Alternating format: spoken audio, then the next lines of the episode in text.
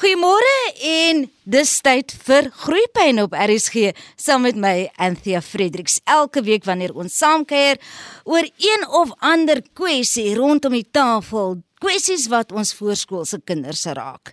En vanoggend is dit weer sulke tyd om te gesels met 'n kenner oor 'n onderwerp met betrekking tot ons voorskoolse kinders.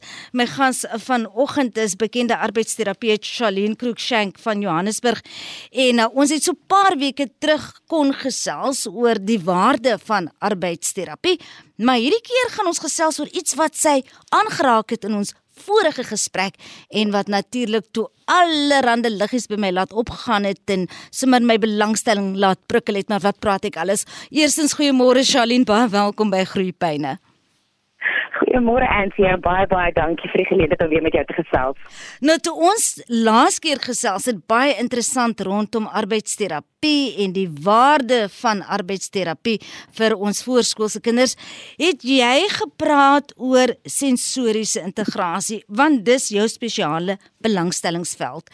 Ek het toe gesê dis 'n onderwerp op sy eie en dis wat ons ook vanoggend gaan takel in groeipyne. Dis wil ek weet wat is sensoriese integrasie? Nog eintlik ja, dit is 'n leidige vraag daai met um, ek gaan so maklik as moontlik vir probeer beantwoord, maar ek kan vir ewig hieroor praat.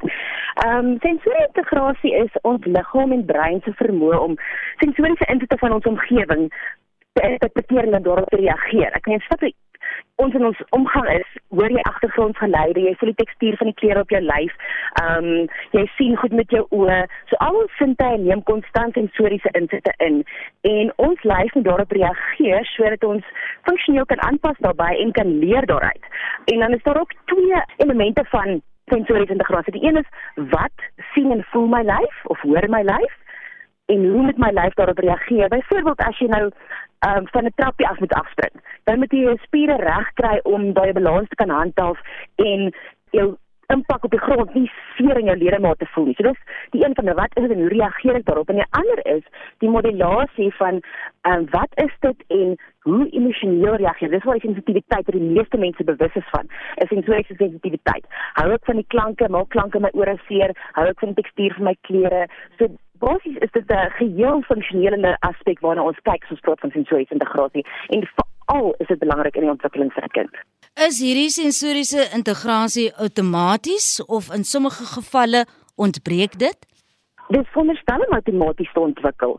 Sodra 'n babatjie in die uterus is van die ma begin hulle al sensoriese bewustheid het van wat is dit hulle hoor al klankies hulle sien hulle voel met hulle lyf so dit begin al reeds daar ontwikkel in pre-geboorte. En dan sodra 'n babatjie gebore word en hulle blootgestel word aan die res van die wêreld met dis 'n oorlading van sensoriese insette ontwikkel hulle meganismes om aan te pas daarbey te reageer daarop en dan ook van 'n toleransie vir al die insette. En baie keer ongelukkig deesdae en dis meer prominent met ons sensoriese omgewing wat nou so opgeblaas is en so baie sensories ons leef konstant in 'n multisensoriese omgewing. Vind die kinders dit moeilik om aan te pas met daai oorlading van sensoriese integrasie. Dis meestal geneties as daar 'n disfunksie is. Dit kan ook deur 'n hoofbesering veroorsaak word maar meestal sien jy dit in 'n gewone skoolomgewing of ontwikkelingsfase sien jy dit geneties dat die ouers ook 'n sensoriese disfunksie het en dan met die intense sensoriese omgewing wat ons deesdae het, sien ons dat ons meer kinders het met uitdagings om die sensoriese integrasie normaal te prosesseer. Jy het nou die woord disfunksie gebruik, so daar is dus iets soos sensoriese integrasie disfunksie. Hoe word dit gediagnoseer?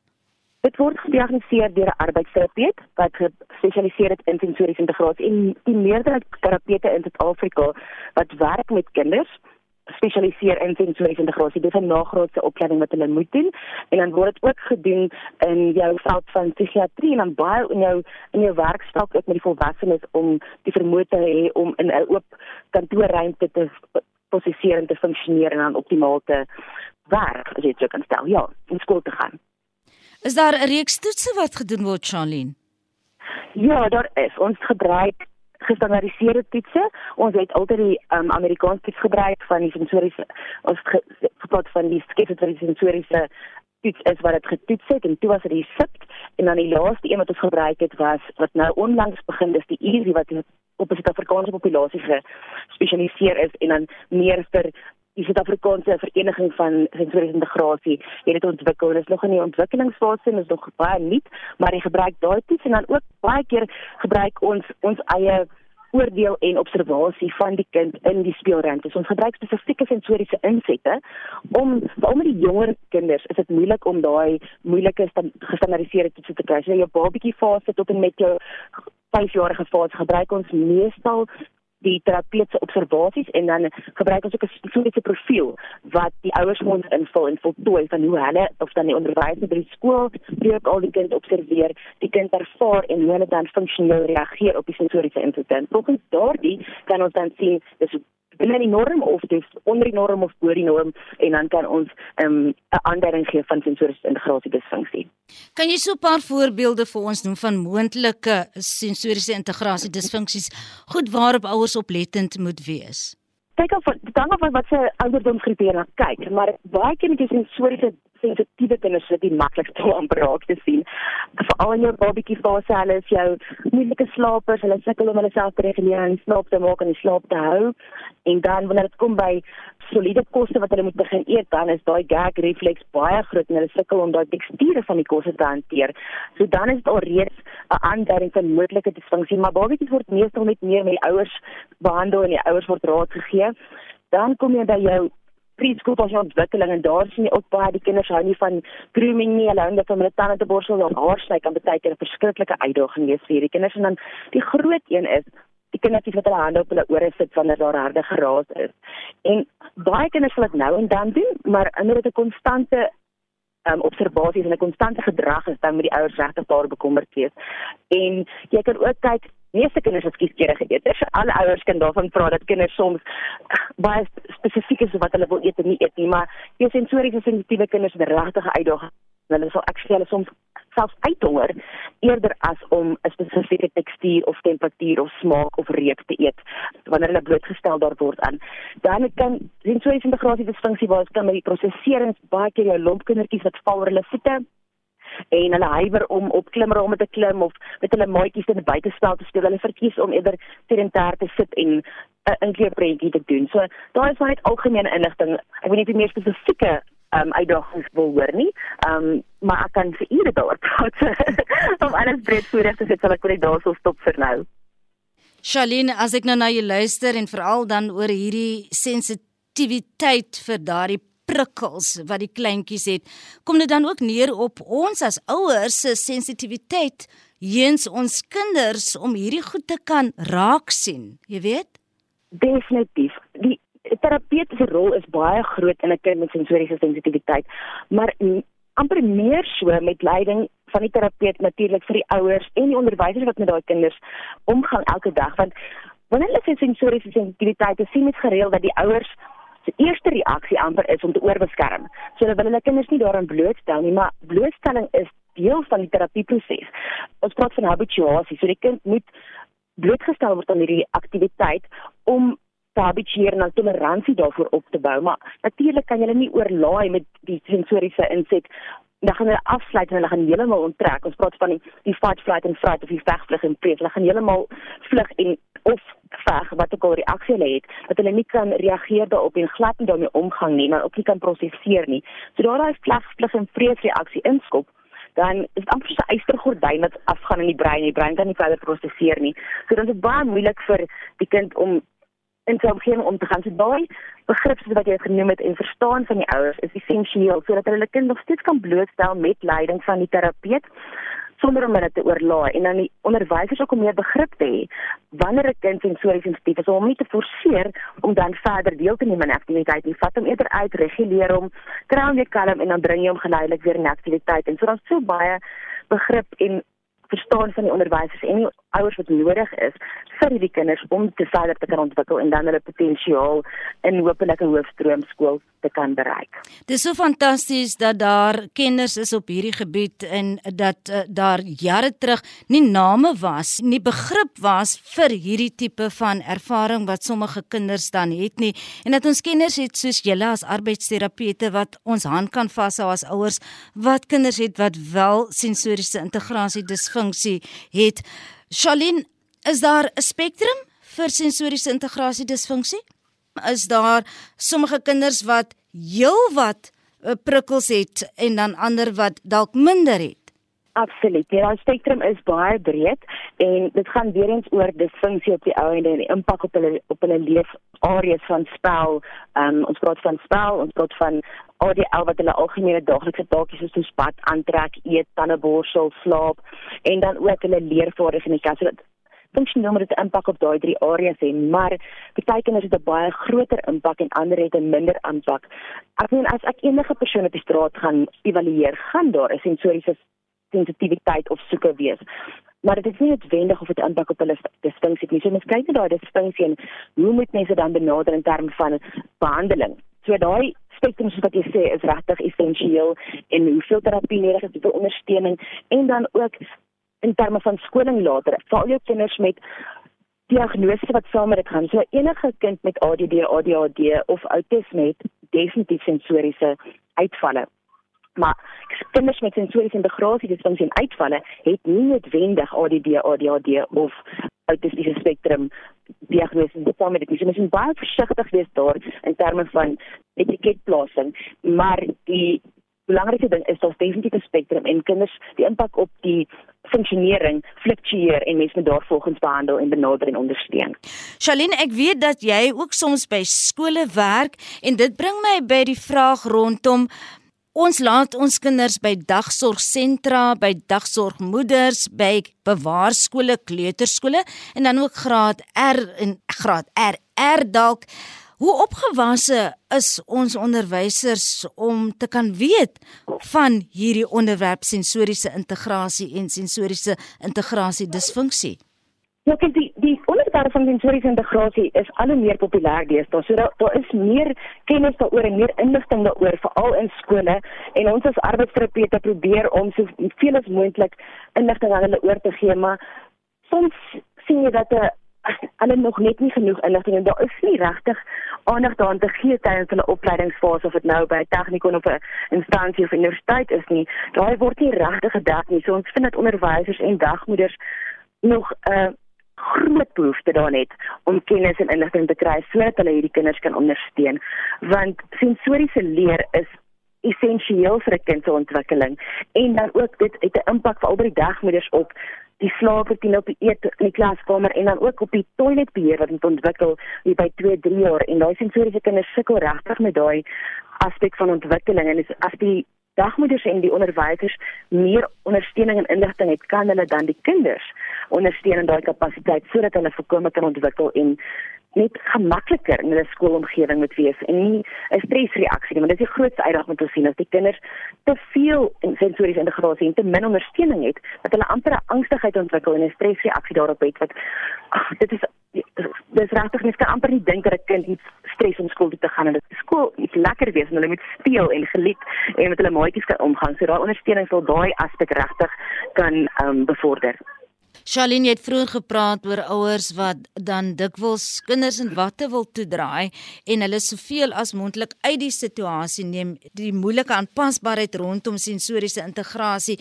dat kinders daarteen beskerm behoort te word. En tog sê jy met behandeling, dis eintlik belangrik dat dit gekonfronteer moet word. So, hoe geskied behandeling? Ja, behandeling geskied deur speel. So ek het die lekker enige arbeidsterapeut met kinders werk die fantastiese werk om met kinders te speel vir 'n lewe.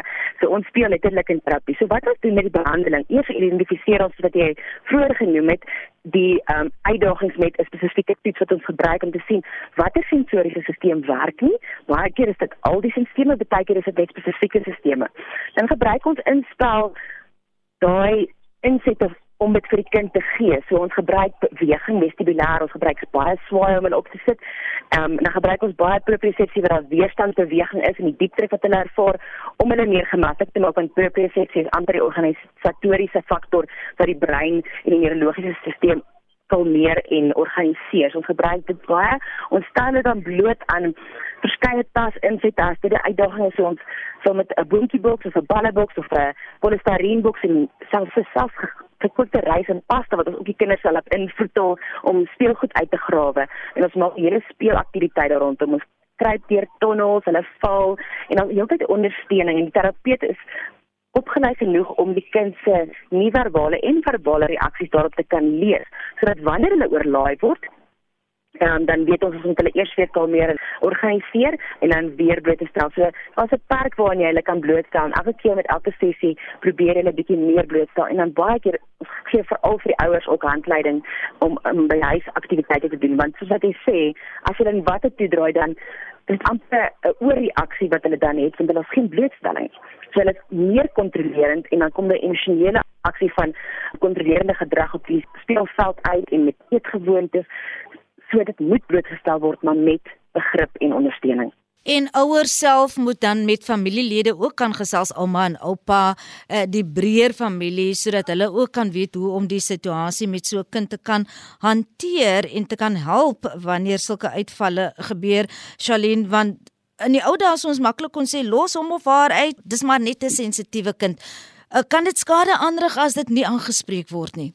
Definitief. Ek dink dit wat jy nou gesê het oor die familie wat ingerig word en vir jou is so belangrik want baie keer dat veral met die ou ouer geslag is hulle nog nie ingelig van die uitdagings wat hierdie kan wees en dan word die kind geforseer om 'n kos te wat nog nie reg is nie. Dit is 'n slegte ervaring en almal is emosioneel en almal wil eintlik net die kind gelukkig sien, maar as dit nie versigtig genader word nie en die kind word geforseer om 'n hand druk te gee of 'n soen te gee waar die tassensitiwiteit is of 'n spesifieke kledingstuk of 'n spesifieke kossoort eet, dan kan daar 'n negatiewe ehm um, geheue of 'n onthou van daai spesifieke aksie nie. Sensoriese geheue is 'n baie sterk geheue. So wanneer hy ook al weer blootgestel word aan daai spesifieke sensoriese stelsel, dan skop daai negatiewe geheue ehm um, in en dan is dit nog meer vermyding. En dan wat gebeur as mens dit net los en nie dit benader nie, is veral met jou sensoriese sensitiewe kinders is baie angs en onsekerheid wat ontwikkel en dan ook 'n rigiditeit amper. So hulle wil nie buite daai klein boksie wat hulle vir hulself gebou het beweeg nie. En daai kinders kom dan baie rigied en baie moeilik voor in die klaskamer, veral in die later vlakke en dan jou sensoriese soekers kan baie hiperaktief voorkom waar hulle miskien nie noodwendig hiperaktiwiteitssindroom het nie, maar hulle is so besig en woelig dan word hulle as stout geïdentifiseer of as 'n boelie want hulle skop en slaan en stoot en stamp in, in hulle behoefte om te soek vir daai propriosepsie en daai beweging wat se nodig is. So dan word amper 'n verkeerde etiket op hierdie kinders gesit. Maar daai rigiditeit en daai angs is die grootste impak wat 'n uh, sensoriese disfunksie op 'n kind kan hê as dit nie geadresseer word nie. Nou sê maar 'n kind so kind gaan deur hulle hele lewe sonder dat 'n diagnose gedoen is of dalk word daardie kind nou net beskou as 'n uiters sensitiewe kind of 'n moeilike kind. Ag enige negatiewe uh, etiket wat 'n mens rondom so kind se nek kan hang sonder dat 'n mens noodwendig weet uit onkunde as ouers dalk kan hierdie situasie later in jou lewe wel aangespreek word en gekorrigeer word. Ja, jy het kan verseker daar is heelwat terapeute wat met um, volwassenes werk, veral in die psigiatrie val waar sien baie keer jou angsversteurings het ook sensoriese komponente en jy depressiewe um, diagnose het ook sensoriese komponente wat aangespreek moet word. En mens kan sê wat dit eers gekom die hoender of die eier, maar wat ons wel weet is dat dit wel geadresseer kan word. Dit is, is soms moeiliker later want dan is al spesifieke patrone en sensoriese geheue ontwikkel om dan so te vermy dat ons glad nie meer wil omgang met daai spesifieke sensoriese intensie. As ons volwasse is dit moeiliker in een kant, maar aan die ander kant kan mens ook dan 'n kognitiewe benadering insit om dit vir hulle te verduidelik en sê dis ons kan benader, dis die impak daarvan en dis wat jy moet doen. Dit is tweefold. Die belangrike ding is dat volwassenes moet verstaan, veral die volwassenes wat jy sê uit onkunde. As jy net na jouself kyk, wanneer jy 'n moeilike dag gehad het en jy is moeg en geïrriteerd of jy 'n slegte tyding gekry het, dan is jy baie emosioneel. En daai emosies, daai limbiese stelsel waar jou emosies geproseseer word, sit reg langs die retikulêre formasie waar jou sensoriese aspekte geïdentifiseer word.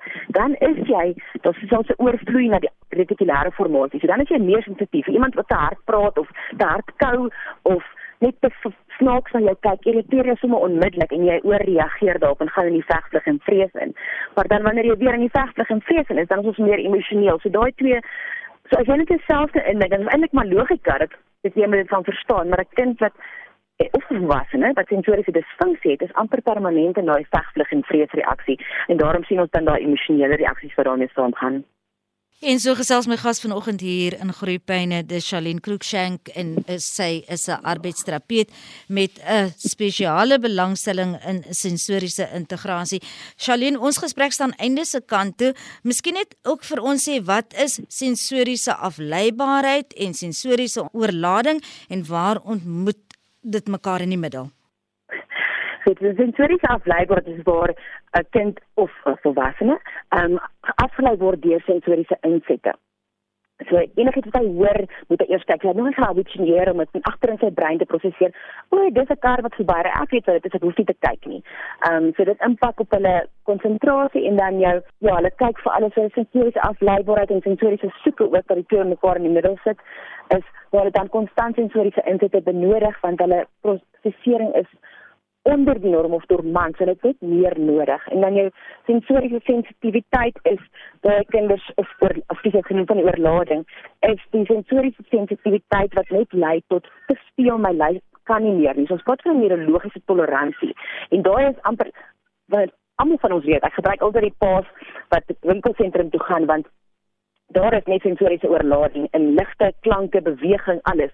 En dan op 'n stadium as ek het nou genoeg om uit die winkelsentrum uit gaan. So dis jou neurologiese toleransie wat bereik is en van genoeg is genoeg. En dan gaan dit oor na fisiologiese reaksie wat jou vegvlug en vrees is wat 'n kind of 'n volwassene amper nie kan help nie. So as moet die pa verskoon wat sou oorlaai word in die winkelsentrum, maar daar is dit daai vegvlug en vrees wat hulle net nie kan help hulle die oorlading beteken hulle raak amper aggressief soms of hulle trek in hulle self in en hulle sluit in 'n bubbeltjie in. Ek kan nie meer nie, so ek sluit myself af of dan die vermyding en dit net ek moet nou uit hierdie situasie nou en ek kan glad nie dit meer hanteer nie. En dan waar die twee mekaar in die middel ontmoet is die soeke en die oorlading. Te veel soeke kan lei tot oorlading en te veel oorlading kan weer lei na soeke. So dit impak op mekaar ook en dit lei dan tot disfunksie waar die kind nie kan konsentreer of saamwerk in die klas nie.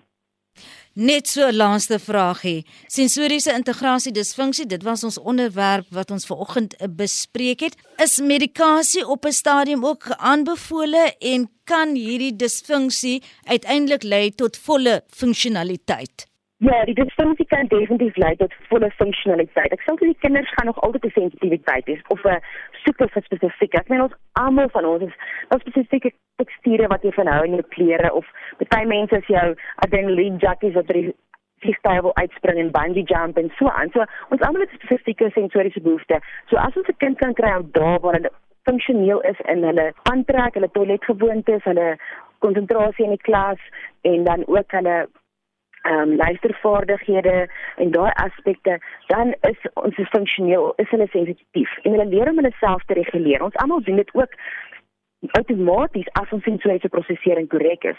Ons reguleer deur ehm um, te gaan stap vir 'n rukkie of 'n koffie koffie te gaan kry, ehm um, oefening te doen help met regulasie of net bietjie na 'n stil area te gaan net 'n boek te lees vir 5 minute. Dit help ons om onsself te reguleer. So dit leer die kinders van aan en dis hoe hulle funksioneel word as volwassenes. Dit same met die toleransie wat ons opbou van daai sensoriese prosesering.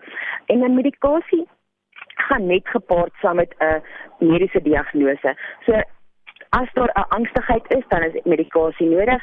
Ehm um, en as daar 'n konsentrasie uitval is, saam met sensoriese integrasie dit funksie dan is medikasie nodig.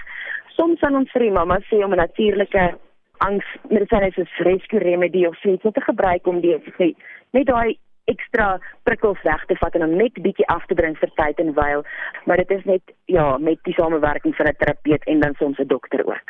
En dit was arbeidsterapeut Charlene Krookshank met wie ek vanoggend gesels het oor 'n baie interessante onderwerp, sensoriese integrasie disfunksie. Charlene, soos altyd, baie baie dankie vir vanoggend se gesprek en die waardevolle insette wat jy gelewer het. Baie dankie weer eens vir die geleentheid en vir baie lekker om met jou gesels en die luisteraars ek hoop hulle um, met baie van daarbey en kan bietjie gaan oplees om so ons kinders en volwassenes met sensoriese integrasie disfunksie te ondersteun. Ek beamoen dit. Onthou jy kan die hele gesprek as potgooi van ons webwerf aflaai by rsg.co.za. Ek, Anthea Fredericks groet tot volgende week. Dieselfde plek dieselfde tyd onthou jy afspraak wanneer ons weer saamgesels oor kwessies wat ons voorskoolse kinders raak. Tot dan, mooi bly.